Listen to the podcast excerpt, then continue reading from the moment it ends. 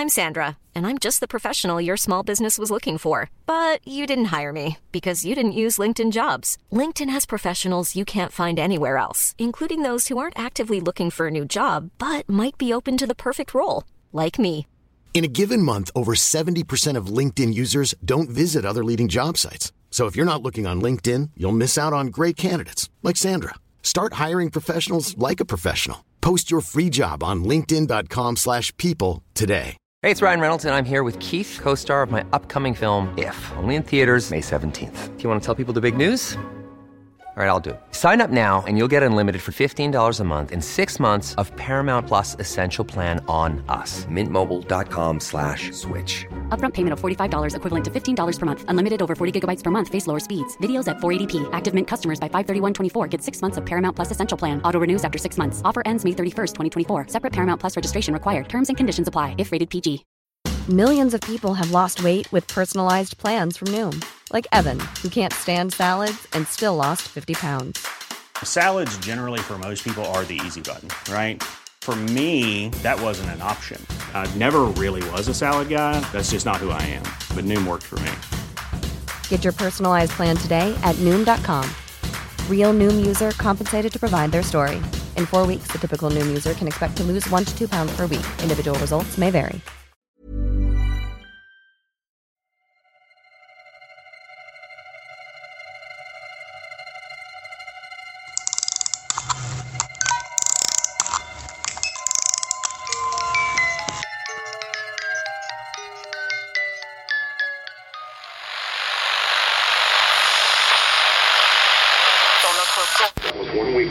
Murdered my mother. I said, she's got to die. And I've got to die. More girls like that are going to die.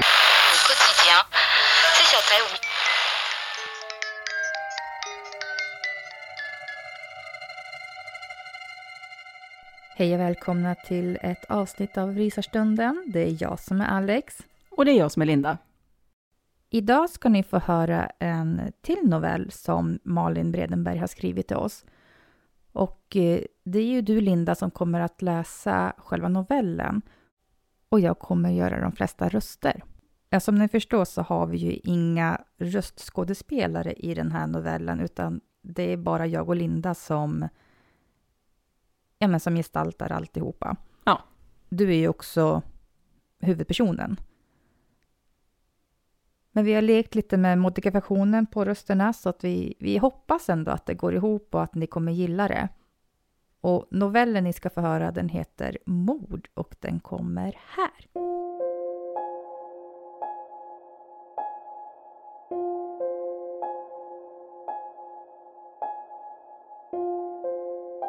Greg visste inte vad han skulle göra. Han var så fruktansvärt trött på sin situation. Men han hade ingen aning om hur han skulle ta sig ur den. Det var väl inget stort problem egentligen, men det hjälpte ju inte när Greg inte hade någon lösning. Problemet kunde vara litet som en myra, eller större än Mount Everest. Det spelade ingen roll. Det fanns ingen som helst lösning. När han hörde sin hyresvärd vissla utanför fönstret medan han vattnade sina älskade omhuldade blommor gnisslade Greg tänder medan han försökte behålla sitt lugn. Ilska och våld löste inga problem. Eller? För elva månader, två veckor och tre dagar sedan hade Greg flyttat ut från det hus som varit hans och fruns, eller exfruns, hem i över 20 år. Där hade de skrattat, bråkat, renoverat, älskat, surat, uppfostrat barn. Ja, levt livet helt enkelt.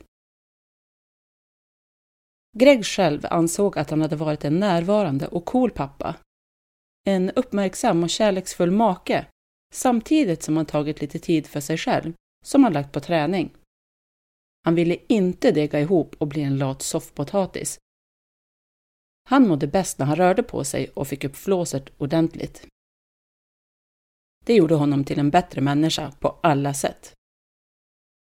Hans favoritträning var simning och cykling både utomhus och inomhus.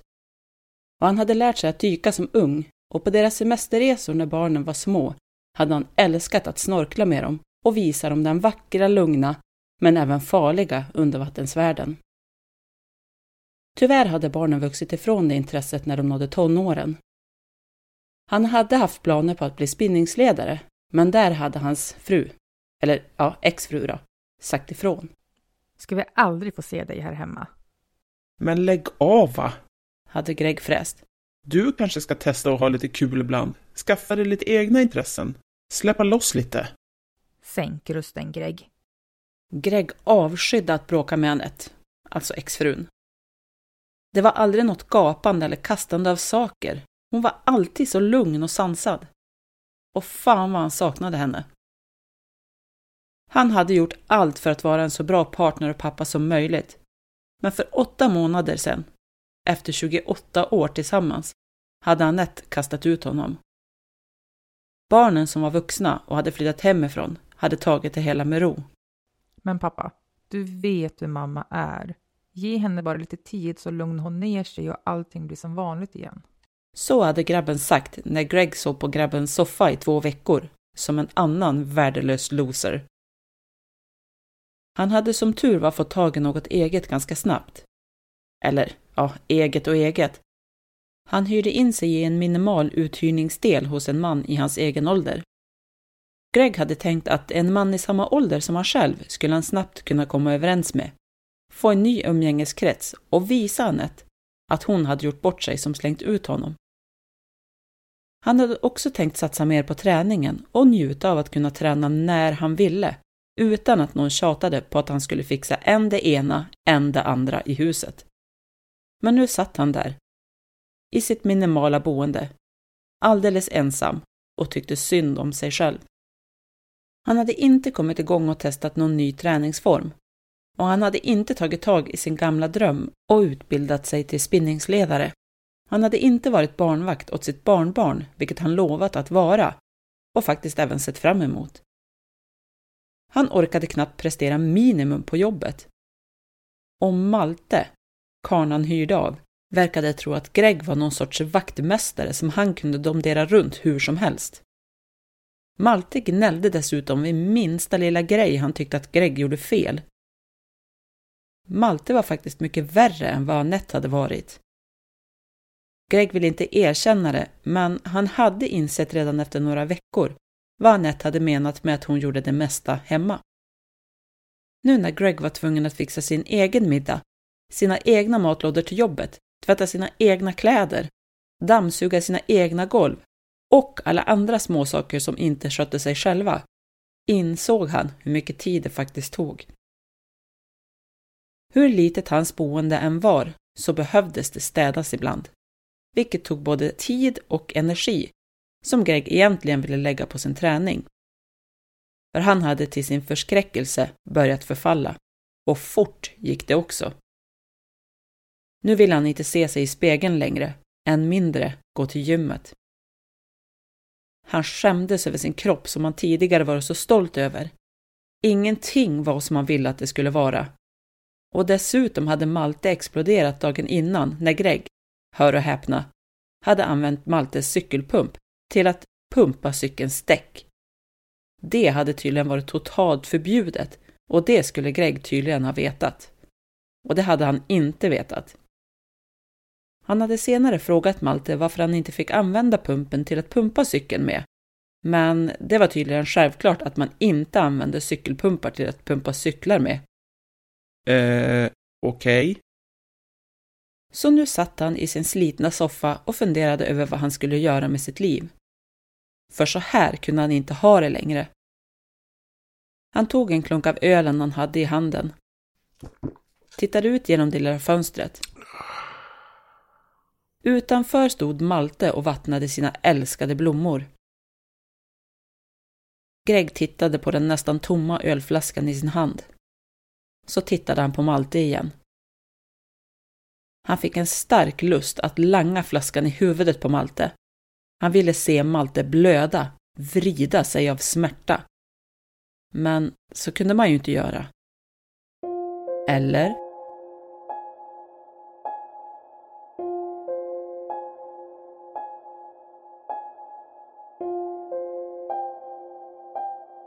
Vi backar historien lite. Vad får en till synes vanlig man, som aldrig har varit våldsam tidigare, att på allvar överväga att kasta en ölflaska i huvudet på sin hyresvärd. För den tanken var inget skämt. När han först flyttat in i den lilla uthyrningsdelen av den stora villan med den stora trädgården hade han mestadels varit lättad. Det var ju inte meningen att föräldrar skulle bo på sina barns soffor. Uthyrningsdelen hade varit omöblerad, men det hade passat Greg bra. Han föredrog att ha sina egna saker omkring sig. Huset var Annettes. Hon hade ärvt det av sina morföräldrar som varit noga med att hon skulle stå som ensam ägare på det.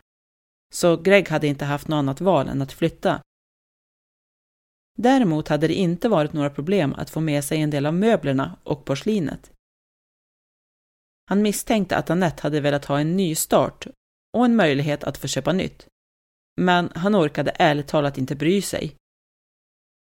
Han hade fått ta det han velat av deras gemensamma ägodelar. Däremot hade han inte orkat ta emot skilsmässopappren som prackades på honom stup i kvarten. Han ville inte skiljas. Han ville leva sitt liv med Annette. Han älskade henne. I vilket fall som helst så tänkte han inte speciellt mycket på framtiden. Det skulle med största sannolikhet lösa sig på något sätt. Så han hade flyttat in i uthyrningsdelen eftersom hyran var låg. Malte verkade vara en trevlig prick och Greg skulle ju ändå inte bo där speciellt länge. Greg och Annettes son och hans fru hade hjälpt honom att flytta in. Det hade gått fort och när det var färdigt hade Greg köpt en pizza och öl till dem alla tre som tack för hjälpen. Han hade även bjudit in Malte eftersom han tänkte att det kunde vara ett bra tillfälle att lära känna sin hyresvärd lite grann. Denne hade dock tackat nej med kort ton, vänt på klacken, gått in till sig och stängt dörren. Ja, ja, din förlust. Då blir det mer pizza och öl åt oss andra. De hade haft det riktigt trevligt där de satt på den lilla uteplatsen som hörde till uthyrningsdelen.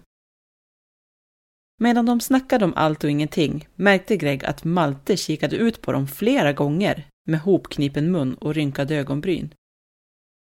Han hade dock inte visat det jättetydligt utan hållit sig halvdold bakom gardinerna. Greg tyckte att det var lite konstigt, men samtidigt förståeligt att han ville ha koll på sin hyresgäst. Greg funderade lite på om Malte var nykterist, hade någon matallergi eller helt enkelt bara var blyg. Det fanns säkert en förklaring till Maltes beteende. De första dagarna gick fort. Greg ställde i ordning möblerna, packade upp kartongerna, fixade till lägenheten riktigt bra. Det blev faktiskt mycket bättre än vad han hade räknat med. Han testade att laga en del maträtter han brukade vara bra på innan han träffade Annette. Han var fortfarande grym på att göra omelett. Linsgryta med kokosmjölk var han en hejare på att göra. Annette hade tröttnat på den ganska snabbt, så nu passade Greg på att göra storkok av den, så att han hade matlådor ett tag framöver. Första lediga helgen testade han att göra en sallad med tofu, spenat och cashewdressing. Vid första försöket misslyckades han ordentligt. Resultatet var sämre än miserabelt. Han försökte rycka på axlarna, låtsas som om det inte gjorde något, slängde den förstörda maten och försökte laga rätten en gång till. Han insåg snabbt vilka fel han gjort första gången och den här gången blev resultatet riktigt bra. Nöjd med sig själv knackade han på hos Malte för att fråga om han ville komma över på middag och kolla på fotboll. Ingen öppnade dörren. Men Greg visste att Malte var hemma, så han knackade en gång till, lite högre den här gången. Tänkte att Malte kanske hörde dåligt eller stod i duschen eller något sånt. Men ingen öppnade dörren. Greg kände sig smått avvisad. Var det något fel på honom eftersom Malte visade så tydligt att han inte ville ha Gregs sällskap? Han ryckte på axlarna medan han gick tillbaka till sin lägenhet. Det fanns ju andra än Malte att umgås med om han ville ha sällskap. Han hade visserligen hoppats på att få en ny bekantskap i sin hyresvärd, men om Malte inte var intresserad av att lära känna nya människor, så var det så. Inte mycket någon kunde göra något åt, även om Greg inte förstod hur man kunde vilja spendera varenda dag ensam hemma med bara sitt eget sällskap. Han mässade några av sina kompisar han brukade kolla på sport med, men ingen kunde. Alla hade andra planer. Greg kände sig lite utanför, som om han inte var viktig längre. Inte en i gänget. Så började han gapskratta. Vad sjutton satt han och tänkte på egentligen? Bara för att ingen ville eller kunde umgås med honom just precis nu, så betydde inte det att han var ensam. Han medgav för sig själv att det var roligare att kolla på sport i grupp, men han hade inga problem att kolla på sport ensam. Matchen var riktigt spännande, väldigt jämnt, men laget han höll på vann till slut. Det hade varit på håret, men de vann. Dagarna kom och gick. Han jobbade, kom hem, lagade god och hälsosam mat, sprang ett varv. Ett kort varv, men ändå ett varv, i elljusspåret som fanns precis bakom huset. Eller cyklade lite på träningscykeln han köpt hem medan han kollade på sport. Han cyklade sällan lika länge eller långt som han brukade cykla under ett spinningspass. Det hade han inte ork till, men han cyklade ändå. Att handla, laga mat, se till att de kläder han ville ha till jobbet dagen efter var rena. Allt tog så mycket längre tid än vad han räknat med. Men det betydde inte att han tänkte släppa träningen helt och hållet. Han älskade att vara vältränad, att känna sig smidig, snabb och laddad. Han ville verkligen inte bli slapp, långsam och fet. Att ta hand om sin kropp var inte ett val, det var en skyldighet. Så även om han inte hann till gymmet eller simhallen så mycket som han ville, så tränade han så mycket han kunde hemma. De få gånger han kom iväg till gymmet var när han drog dit med kompisar. Han tänkte att när allt hade lagt sig och han hade vant sig vid allt så skulle han kunna träna mer igen. Snart skulle livet trilla tillbaka i de vanliga rutinerna. Det var bara bra att uppdatera sina rutiner ibland. Testa nya saker. Utvecklas mentalt. Han ville absolut inte stagnera. Han gick ut med kollegorna ibland och tog en öl. Kollade på sport med några kompisar ibland. Inte så mycket och så ofta som förr, men tillräckligt ofta för att han skulle känna sig stimulerad. Få nya intryck. Ny energi. Han gjorde ytterligare några försök att lära känna Malte. Det spelade emellertid ingen som helst roll vad Greg gjorde. Malte var inte intresserad av att umgås. Allt som oftast blev Greg ignorerad. Vad Greg visste var Malte hemma hela tiden. Greg såg honom aldrig lämna tomtgränsen.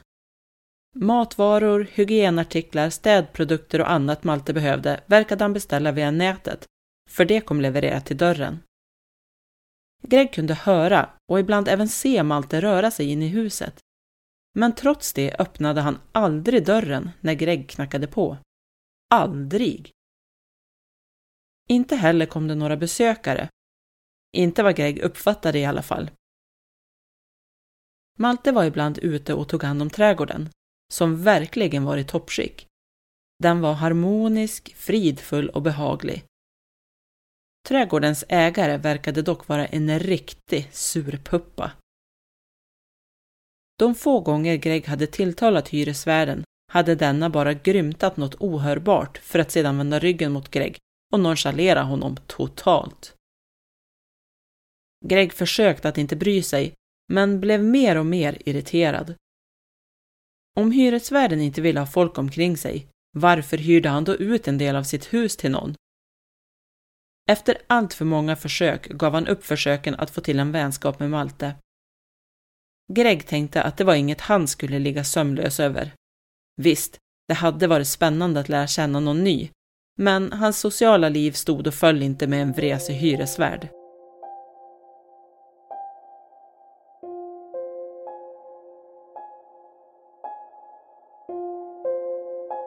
Hösten kom och gick. Så även vintern med tillhörande jul, nyår och alla andra röda dagar däromkring. Greg njöt av att skotta snö och att få jobba med kroppen. Han firade julafton ensam. Barnen var hos Annette såklart. Men juldagen firade han hos ena sonen och dennes familj. Det var härligt att träffa barnbarnen igen och få göra rackartyg tillsammans. När påsken kom bjöd han över alla barnen och barnbarnen på påskdagen. Han hade gömt påskägg åt alla i trädgården och struntade totalt i Maltes sura blickar när alla sprang runt i trädgården och skrattade och försökte tyda hans ganska värdelösa kartor för att hitta vägen till påskäggen. Det var en riktigt härlig dag. Men efter det dröjde det allt längre mellan gångerna han träffade familjen. Allt eftersom tiden gick träffade han även sina polare mer och mer sällan. Han vägrade dock erkänna att det berodde på att han själv var dålig på att höra av sig och föreslå att de skulle ses, eller för att han var dålig på att planera sin fritid. Han kunde inte komma ihåg när han pratat med Annette senast. Ingen av dem sträckte ut en hand mot försoning, eller i alla fall vänskap. Det hände mycket på jobbet och han halkade mer och mer efter med sina arbetsuppgifter när han inte hade någon avlastning hemma med allt som han ansåg behövde göras där för att kunna leva ett rikt och meningsfullt liv. Löparrundorna och tiden på träningscykeln blev kortare och kortare. Han hade inte varit på gymmet eller till simhallen på flera veckor. Detta ledde till att kroppen var stel och började förfalla ytterligare. Han var snarstucken och hade lätt att brusa upp, vilket i sig resulterade i att han drog sig undan mer och mer från sin omgivning. Han hade ingen energi, lust eller tid att laga god näringsrik mat, så det blev allt som oftast en frukt eller en skål popcorn framför tvn till middag. Det gjorde ju hans humör och energi mycket bättre. Inte. Så för några dagar sedan, när han knappt kunde knäppa varken byxor eller skjorta när han skulle till jobbet, kände han att nu fick det vara nog. Han hade definitivt ingen energi att köpa nya kläder. Där gick en väldigt tydlig gräns han inte tänkte korsa. På vägen till jobbet tänkte han att han behövde komma igång med träningen igen. Det var inget man kunde prioritera bort, utan det blev konsekvenser. Han skulle cykla minst en gång i veckan, antingen utomhus om det var bra väder eller köra ett spinningspass på gymmet. Jäklar vad han saknade spinning, insåg han. Han borde också plocka fram våtdräkten han hade liggande någonstans i lägenheten för att se om den passade och ta sig ut till Trollsjön för att dyka igen. Trollsjön är ett gammalt kalkbrott eller en gammal bergtäkt. Man hade i alla fall brutit något material där och så efterhand så hade det blivit en djup, men inte särskilt bred, sjö när man slutade bryta material där. Det hade varit ett populärt tillhåll för träningsdyk tidigare, men inte sedan den lokala dykföreningen lagt ner. Att vara i vatten, simma eller dyka spelade ingen roll, men det hade en lugnande inverkan på Greg. Det var bättre än meditation. När Greg anlände till jobbet var han nöjd med att ha utarbetat en plan för att hitta tillbaka till träningen och förhoppningsvis glädjen igen. Så efter jobbet, trots att han var utmattad, släpade han fram cykeln för att cykla. Utomhus. Inte på träningscykeln. Men självklart hade den punka. Så han hade då lånat Maltes cykelpump för att pumpa cykeln. Och medan han stod där och frenetiskt pumpade sin cykel hade Malte kommit utrusande ur huset, vrålande och svärande. Helt galen! Hur vågade Greg låna något av Malte utan att fråga? Och hur kunde han vara så fräck att han pumpade cykeldäcken med en cykelpump? Greg fattade ingenting och stod först bara och gapade. Sen slängde han pumpen på backen, skrek åt Malte att om han inte ville låna ut sina saker kanske de inte skulle ligga framme och skräpa. Och dessutom kunde det faktiskt vara bra om Malte öppnade dörren någon gång när någon knackade så att denne faktiskt fick en chans att ställa sagda fråga. Sen hoppade han upp på cykeln och trampade iväg. Han cyklade tills han flåsade mer än vad han någonsin flåsat tidigare och svetten rann överallt. Något lugnare till sinnes cyklade han hem igen. Malte var inte ute och Greg hade inte någon lust att konfrontera honom just då. Det fick vänta. Så han gick in till sig duschade och gick och la sig. För första gången på länge sov han helt okej. Okay. Men nu satt han där och retade sig på Malte igen. Han tittade på ölflaskan i sin hand. Skulle han? När han hörde Malte vissla falskt reste han sig ur soffan och störtade ut.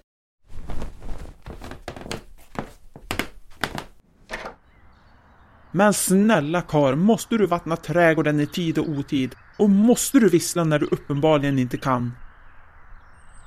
Malte vände sig lugnt mot Greg och svarade lugnt. Mitt hus, mina regler. Som du inte har berättat om, så hur i hela vida världen ska jag kunna känna till dem? Och de är helt galna, så hur ska någon kunna komma ihåg dem?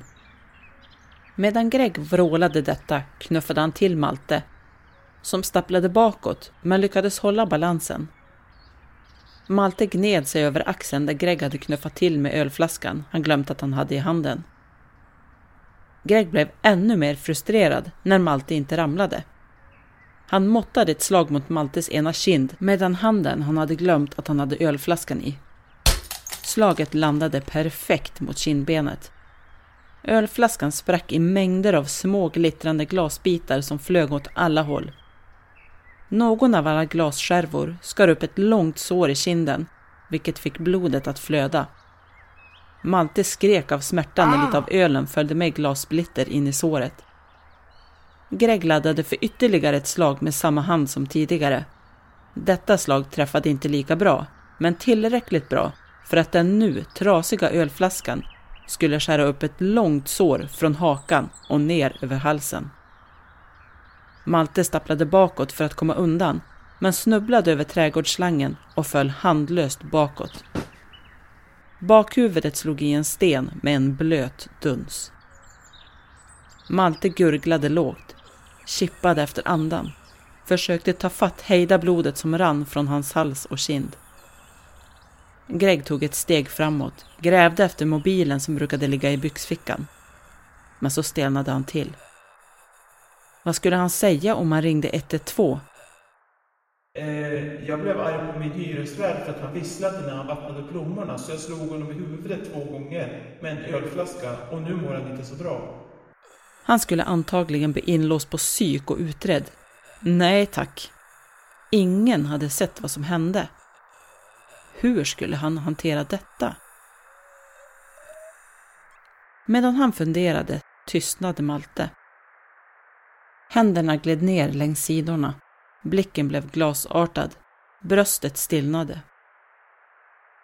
Efter några långa minuter vågade sig Greg fram till sin hyresvärd. Ingen andning. Ingen puls. Ingen reaktion när Greg nöp honom hårt i armen. Greg sträckte sig efter vattenslangen som fortfarande pumpade ut vatten i en jämn ström. Han spolade noggrant bort allt blod från Malte, gräs och blommor.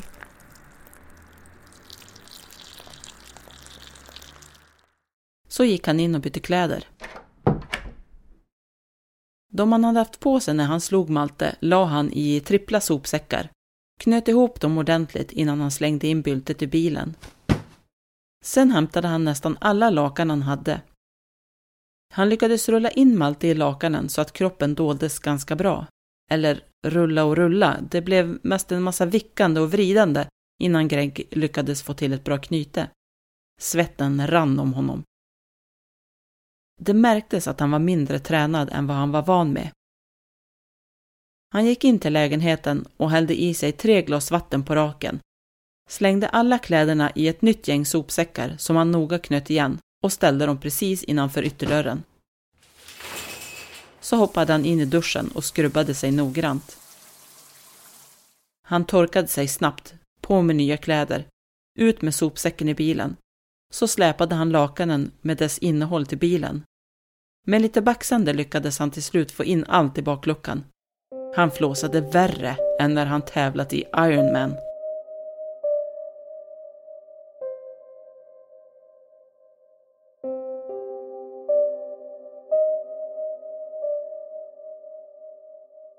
När han hade andningen någorlunda under kontroll satte han sig bakom ratten för att köra iväg.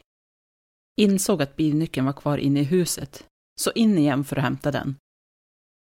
Han hann halvvägs ut till bilen innan han insåg att han var barfota. Så in igen och hämta skor. När han skulle gå ut till bilen igen insåg han att han inte hade tänkt igenom vart han skulle dumpa kroppen. Han stapplade de få stegen bort till soffan och sjönk ner på den. If you're looking for plump lips that last, you need to know about Juvederm lip fillers. With Juvederm Volbella XC and Juvederm Ultra XC, your lip look, whether it's subtle or bold, can last up to one full year with optimal treatment and no additional maintenance. Find a licensed specialist and see if it's right for you at juvederm.com today. That's J U V E D E R M.com. Add fullness to lips in adults over 21 with Juvederm Volbella XC or Juvederm Ultra XC. Do not use if you have severe allergies or a history of severe allergic reactions, or if you're allergic to lidocaine or the proteins used in Juvederm. Tell your doctor if you have a history of scarring or taking medicines that decrease the body's immune response or that can prolong bleeding. Common side effects include injection site redness, swelling, pain, tenderness, firmness, lumps, bumps, bruising, discoloration, or itching. As with all fillers, there's a rare risk of unintentional injection into a blood vessel, which can cause vision abnormalities, blindness, stroke, temporary scabs, or scarring. For full important safety information, visit juvederm.com. I'm Sandra, and I'm just the professional your small business was looking for. But you didn't hire me because you didn't use LinkedIn jobs. LinkedIn has professionals you can't find anywhere else, including those who aren't actively looking for a new job but might be open to the perfect role, like me. In a given month, over 70% of LinkedIn users don't visit other leading job sites. So if you're not looking on LinkedIn, you'll miss out on great candidates like Sandra. Start hiring professionals like a professional. Post your free job on linkedin.com slash people today. Han visste att han måste göra sig av med kroppen och det snabbt. Visst, det kom sällan folk till huset. Greg själv fick nästan aldrig besök till den lilla lägenheten. De få gånger han umgicks med någon föredrog han att träffas var som helst, utom där han bodde för tillfället. Och Malte fick aldrig besök. De enda som kom till honom var matleveranser och liknande. Men han ville ändå bli av med problemet, alltså kroppen, så fort det gick. Nu när han kommit så här långt fanns det ingen återvändo. Medan han funderade föll hans blick på de två väskor som innehöll hans olika dykarutrustningar. En innehöll den lite enklare våtdräkten med cyklop, snorkel och simfötter som han brukade använda för att snorkla och hålla sig närmare ytan. Den andra innehöll den lite mer avancerade utrustningen med syrebehållare, våtdräkt och annat för att kunna dyka djupare. Han fäste blicken på väskorna. Han hade provat båda dräkterna. Och visst, de hade suttit tight. Men han kunde ha dem. Och visst hade han sett till att det fanns syre i behållaren. Eller hade han drömt det? Han gick sakta fram till väskan, öppnade den, undersökte utrustningen noga. Jo då, allt var i helt och bra skick. Det fanns bra med syre i behållaren. Och visst, han hade inte dykt på länge och konditionen var sämre än när han aktivt dök. Men det borde väl finnas mycket kvar i muskelminnet och ryggmärgen. Hur svårt kunde det vara att dumpa en kropp i Trollsjön? Han tog med sig den utrustningen han behövde och skyndade ut till bilen.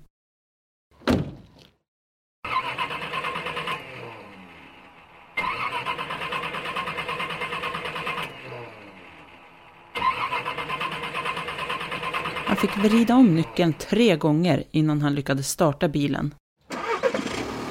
Men när bilen väl startade sladdade han iväg som ett jehu.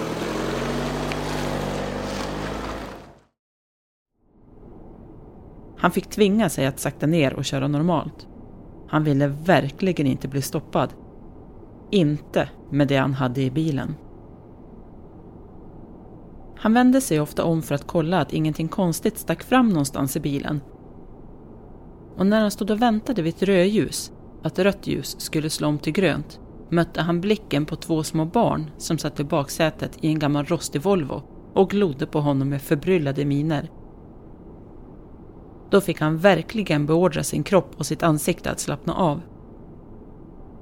Han försökte sig på ett leende och vinkade försiktigt till barnen.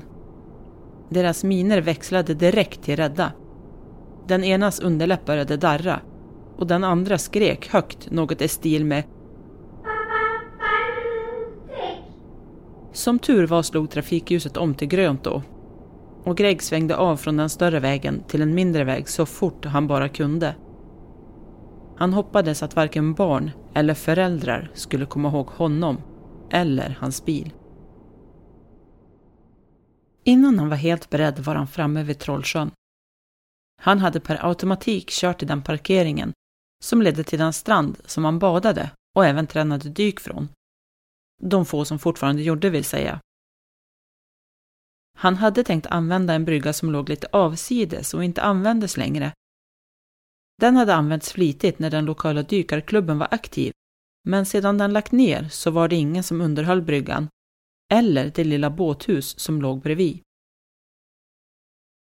I början hade ungdomar använt platsen för att hångla, röka, dricka och göra andra hyss. Men ju mer stället förföll, desto färre använde platsen och nu hade den nästan fallit i glömska. Han suckade åt sig själv eftersom han kört på autopilot istället för att tänka till. Men det var bara att gilla läget och köra till rätt ställe. Han hade inte råd att göra sådana små misstag. Kostnaden att bli påkommen nu var alldeles för hög och han var inte villig att betala för de senaste timmarnas händelser. Han la i backen, vände bilen och körde till rätt parkering.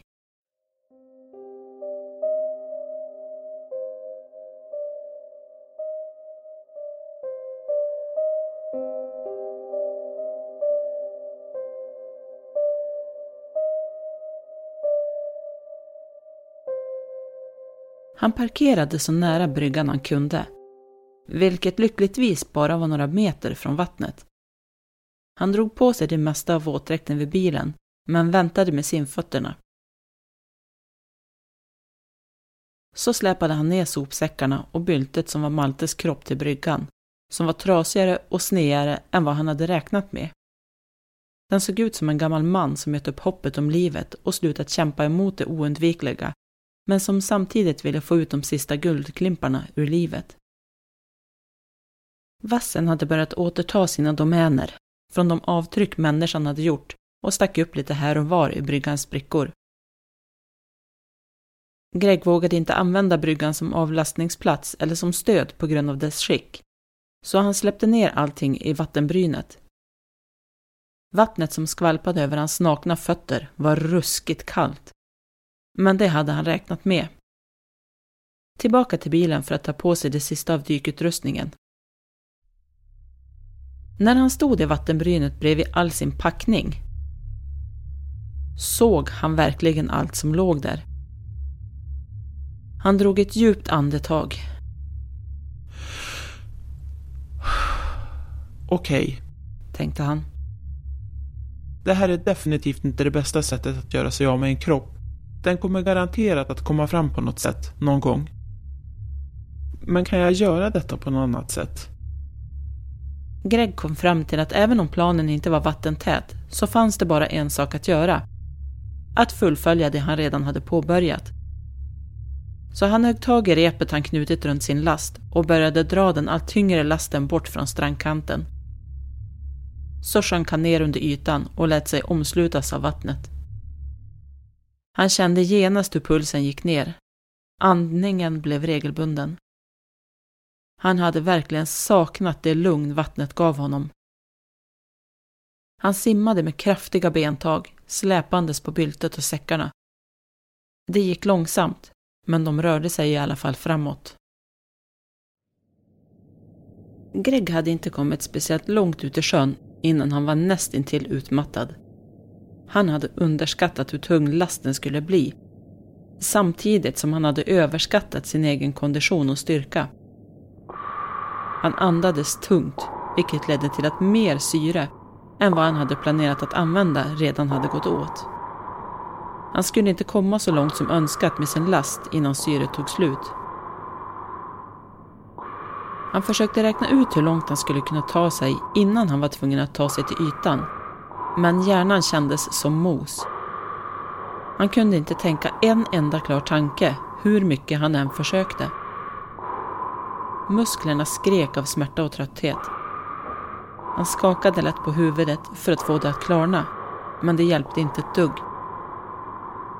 Ett fiskstim simmade alldeles för nära för Gregs smak. Några iakttog honom med skepsis. Greg försökte ta kontroll över sin andning som hotade att rusa iväg, vilket inte är att rekommendera vid dyk, då man hade begränsat med syre. Stimmet med fiskar simmade snart vidare, tack och lov. Greg bestämde sig för att släppa sin last där han var, även om det var långt ifrån den plats i sjön han tyckte var lämplig. Han ville hem och glömma hela historien.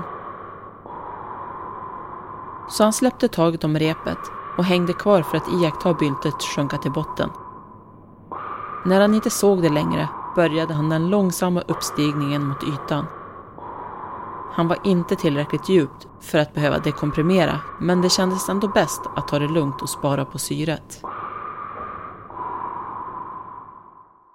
När han klöv ytan slet han ur munstycket ur munnen och andades girigt in den friska luften. Han fyllde lungorna med luft, igen och igen och igen, tills han kände sig hög på syre. Så simmade han in till land. När han nådde gränsen mellan vatten och land var han så inne i vassen utmattad att han inte klarade av att ställa sig upp. Benen skakade av all ansträngning och hela kroppen ömmade efter det träningspass de nyss hade utsatts för. Frustrerad försökte han krypa upp på land, men ramlade omkull och blev sittande vid strandkanten med ena sidan mot den gamla bryggan.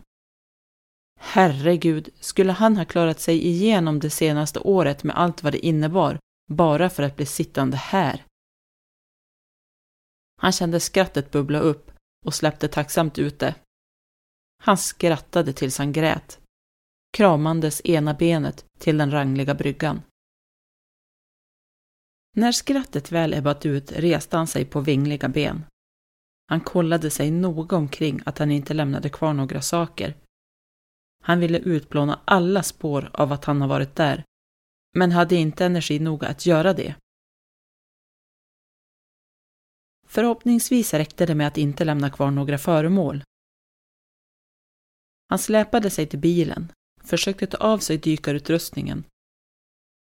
Det tog fem långa försök innan allt var av han stod där spritt språngande naken och njöt av den svaga brisen som smekte hans fuktiga hud. Han blundade och drog långa, djupa andetag tills han kände sig som sig själv igen. Han ville helst av allt köra naken hem, men det skulle väcka för mycket uppmärksamhet, så han drog på sig shorts och t-shirt innan han satte sig i bilen. Han fick verkligen, verkligen, verkligen anstränga sig för att hålla sig till rätt hastighet. Han var så in i döden trött. Han ville bara hem och sova. När han insåg att han var på väg ner i diket drog han på AC'n på så kall luft det bara gick och slog på radion på hög volym. Han hittade en radiostation med dunka-dunk-musik som förhoppningsvis skulle hålla honom vaken. Han var nära att hamna i diket ytterligare en gång och skrapade ena backspegeln mot en vägskylt när han tog ut en sväng lite för mycket. Men ingen blev skadad, vilket han var tacksam för. Han skulle inte blivit förvånad om ett vildsvin hade hoppat ut på vägen bara för att jävlas med honom. Men han kom hem helt oskadd och utan att ha skadat någon levande varelse. Backspegel och vägskylt räknades inte. Han snubblade ur bilen och gick nästan dubbelvikt av skratt till sin dörr. Han misslyckades med att låsa upp i nästan 15 minuter innan han insåg att han aldrig hade låst innan han åkte därifrån. Så tog han sig in i lägenheten, drog av sig kläderna och snubblade ner i sängen. Han somnade inom några sekunder och sov i nästan 13 timmar.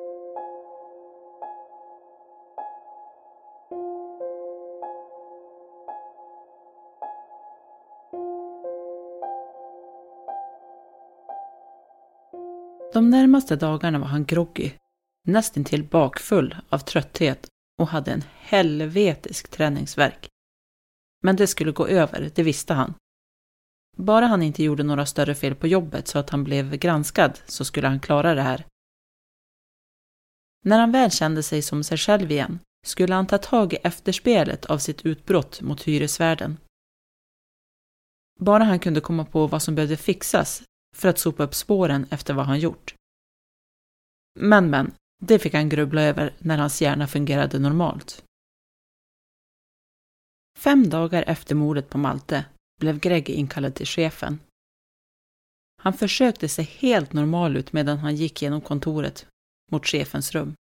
Att fly var inte ett alternativ. Då såg han bara skyldig ut. Men inom sig hade han en nästintill fullt utvecklad panikattack. Nej, nej, nej, nej, nej. Vad kommer vänta på mig där? Polisen? Militären? Han hade ingen aning och tankarna for åt alla håll. Han ville bara krypa ihop och gråta. Men det var nu den stora prövningen kom, insåg han. Det var nu det var dags att hålla masken och låtsas som om allt var som vanligt. Men det var det ju inte. Varför hade han inte anmält Malte försvunnen? Visst, de hade inte så mycket kontakt, men Greg visste att han var den som hade bäst koll på Malte. Det kanske var dags att göra det. Vem visste hur länge han skulle kunna bo kvar i uthyrningslägenheten innan Kronofogden kom? Han hade ingen som helst koll på sånt. Men han hade ju tänkt att han fick ta sådant när hjärnan klarnat. Så släpp det nu. Han var framme vid chefens kontor, så han försökte sig på ett svagt leende innan han knackade på dörren. Kom in. Greg öppnade dörren och klev in.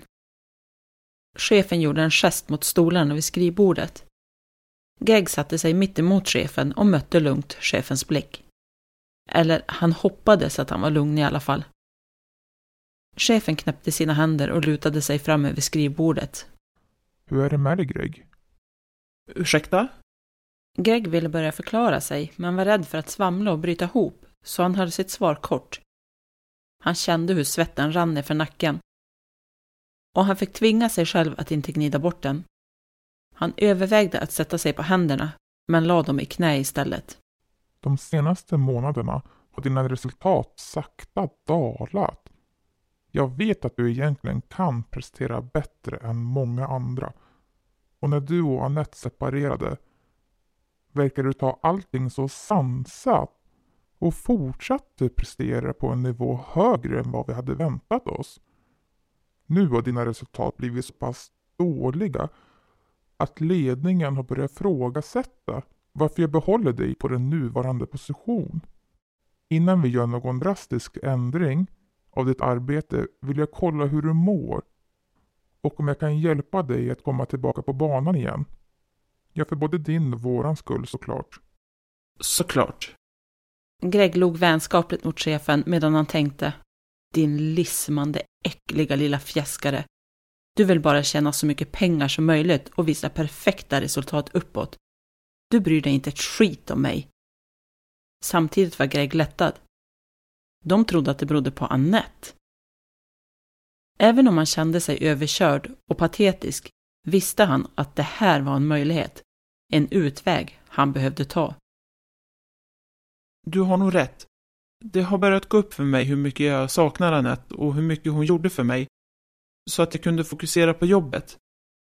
Jag ber om ursäkt att jag inte har vänt mig till dig tidigare. Jag trodde att jag kunde hantera det själv.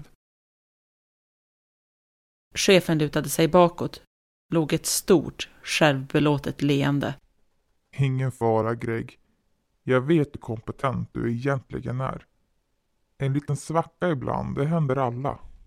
Utom de på toppen, tänkte Greg, men log tillbaka. Vad har du för rekommendation? Jag vill verkligen tillbaka till mina vanliga resultat. Ja, du har ju inte haft semester på över tre år. Greg bleknade. Semester? Vad skulle han med semester till? Han mådde bäst när allt var som vanligt, när han höll sig till rutinerna. Men å andra sidan var nästan alla rutiner redan brutna. Vad spelade det för roll med några fler brutna rutiner? Han log igen. Jag har faktiskt funderat på att ta upp dykningen igen. Den hade jag inte möjlighet att hålla igång eh, tidigare. En eller två veckors semester kan faktiskt vara en bra idé. Då säger vi tre veckor från och med måndag. Greg tänkte protestera, men hörde på chefens tonläge att det var en order, inte en fråga. Så han nickade, reste sig och gick tillbaka till sitt skrivbord.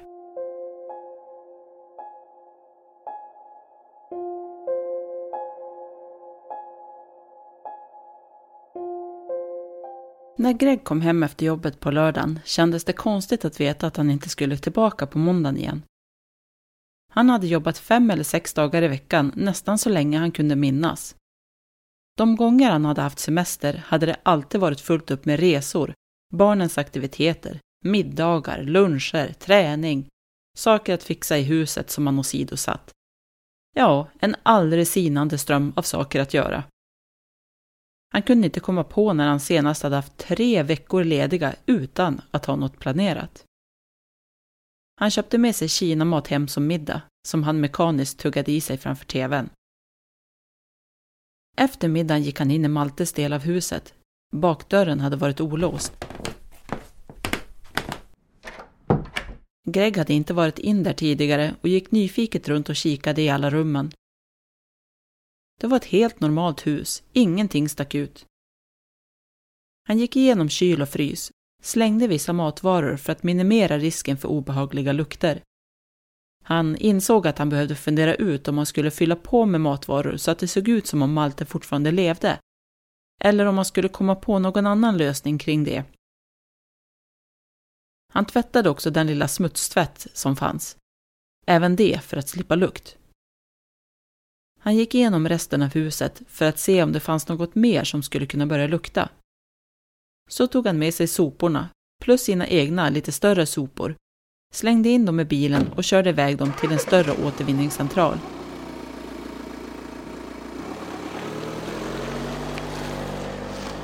Det kändes skönt att börja göra något praktiskt åt Maltes försvinnande. På måndagen vaknade han tidigt samma tid som han behövde vakna för att åka till jobbet. Han gick upp, duschade, åt frukost, scrollade lite på mobilen. Så åkte han till polisstationen. Han var lite osäker på hur han skulle bete sig, men tänkte att det passade in i det scenario han hade tänkt hålla sig till. Så han försökte verka avslappnad, men lät lite nervositet skina igenom. Det var någon form av nummerlappsystem och han satt och scrollade med mobilen tills det blev hans tur. Då gick han fram till rätt disk, tittade på polisen som satt där. Vad kan jag hjälpa er med? Han öppnade munnen, stängde den igen, gned sig över hakan. Ja du, sa han till sist. Jag vet inte ens om jag behöver någon hjälp. Eller, jag behöver ingen hjälp, men min hyresvärd kanske behöver. Okej, varför tror du det? Polisen hade inte rört en min medan Greg pratade. Alltså, jag hyr en uthyrningslägenhet i en fristående villa. Mannen jag hyr av, Malte, är lite av en kuf. Han är väl egentligen väldigt vanlig, alltså väldigt tråkig. Väldigt ensam verkar det som. Men han verkar vilja vara ensam.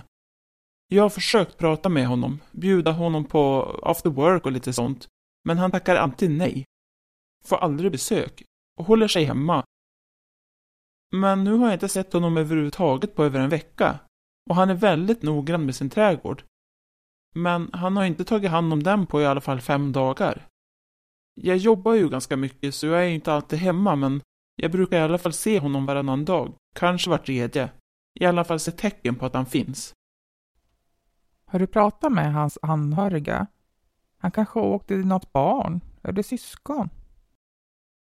Vad jag vet så har han inga anhöriga. Har du någon möjlighet att gå in i hans del av huset? Han kanske ligger skadad och inte kan kalla på hjälp. Här tvekade Greg lite. Han visste inte om det var ett brott att gå in till någon annan utan att denne sagt att det var okej. Okay. Alltså, bakdörren var olåst, så i lördags gick jag in för att kolla. Jag knackade och ropade så att han skulle höra att jag kom in. Men det var helt tomt i hela huset. Ingen hemma. Vet du vad han jobbar med? Ingen aning. Men jag har aldrig sett han lämna tomten. Det är därför jag ville gå hit och prata med er. Om det har hänt något och jag hade kunnat hjälpa honom. Ja, du fattar säkert. Han brukar aldrig ens åka för att köpa mat eller sånt. Han får allting hemlevererat. Okej, okay. vad heter han? Malte. Malte Karlsson. Adress? Krusbärsvägen 12. Längd och vikt? Eh, ingen aning. Han är väl ungefär som min längd, lite kortare än mig. Jag är 1,86. Och han väger nog lite mer än mig skulle jag tro. Men har ganska normal kroppsbyggnad. Varken överviktig eller underviktig, men ja, lite mage. Glasögon, ganska tråkiga, neutrala. Alltid neutrala vanliga kläder. Varken överklädd eller underklädd. Har du någon bild på honom? Eller finns han på sociala medier? Inte vad jag vet. Vi umgås ju inte direkt.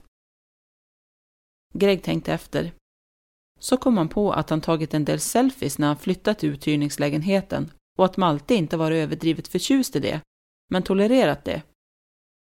Tills han själv hamnat i bakgrunden på några bilder. Då hade han ju blivit fly förbannad. Han ville inte vara med på bild. Greg tog fram mobilen, scrollade bland bilderna. En av bilderna där Malte fanns med i bakgrunden var kvar. Han var halvt bortvänd, men det var i alla fall en bild. När polisen såg bilden stenade han till. Är det där Malte? Ja. Har du möjlighet att lämna kvar din telefon här? Och har du fler bilder av Malte? Jag hade, men han var inte bekväm med att vara med på bild, så jag tog bort dem. Men de kanske går att återskapa. Jag vet inte hur tekniken fungerar. Greg insåg att det skulle verka konstigt att inte lämna kvar den, så han lämnade över den. När kan jag få tillbaka den tror ni? Jag har semester nu, men är ganska beroende av den i jobbet. Antagligen inom några dagar. Greg fick skriva på kvitto att mobilen var inlämnad, till vem, datum och så vidare. Polisen han pratade med nämnde också att polisen kanske ville prata med Greg igen och att de kanske skulle komma och kolla på huset de närmaste dagarna.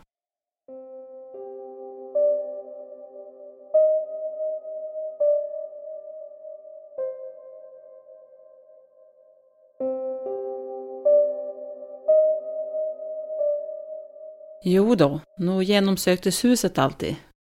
Tydligen hade Malte odlat en hel del narkotika och Greg hade inte märkt ett dugg.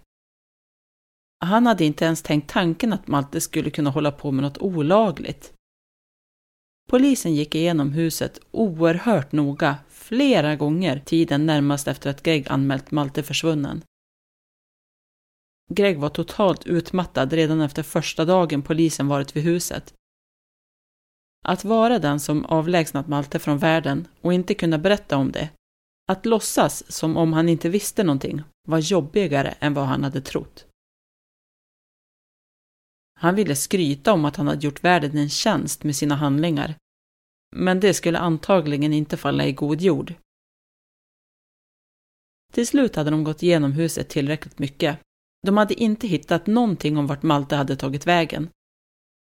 De rekommenderade Greg att flytta, då de, även om de inte sa det högt, verkade misstänka att det var någon langare som låg bakom Maltes försvinnande.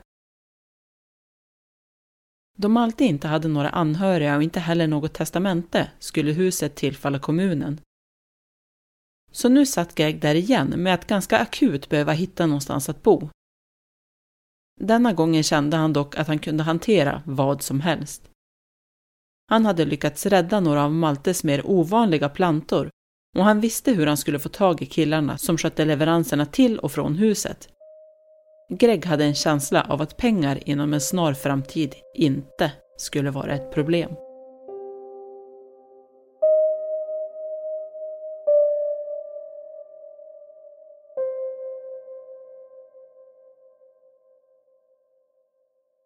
Ja, det var den novellen det. Tack så mycket Malin för att du har tagit dig tid och skrivit den till oss. Och finns det någon fler där ute som är sugen på att skriva in noveller till oss så att vi kan gestalta eller läsa in eller ja, hur vi nu väljer att göra för att läsa in just din novell, då är det bara att skicka till rysarstunden gmail.com. Och vi blir superglada av att få in noveller och det är så, så, så kul. Men det här var dagens avsnitt. Hoppas att ni gillade det. Och tack för att ni har lyssnat. Tack!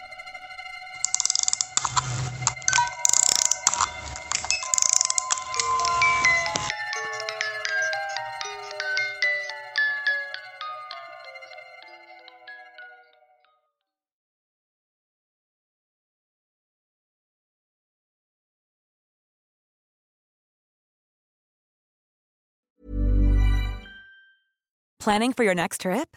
Elevate your travel style with Quince. Quince has all the jet setting essentials you'll want for your next getaway, like European linen, premium luggage options, buttery soft Italian leather bags, and so much more. And is all priced at 50 to 80% less than similar brands. Plus, Quince only works with factories that use safe and ethical manufacturing practices. Pack your bags with high-quality essentials you'll be wearing for vacations to come with Quince. Go to quince.com slash pack for free shipping and 365-day returns.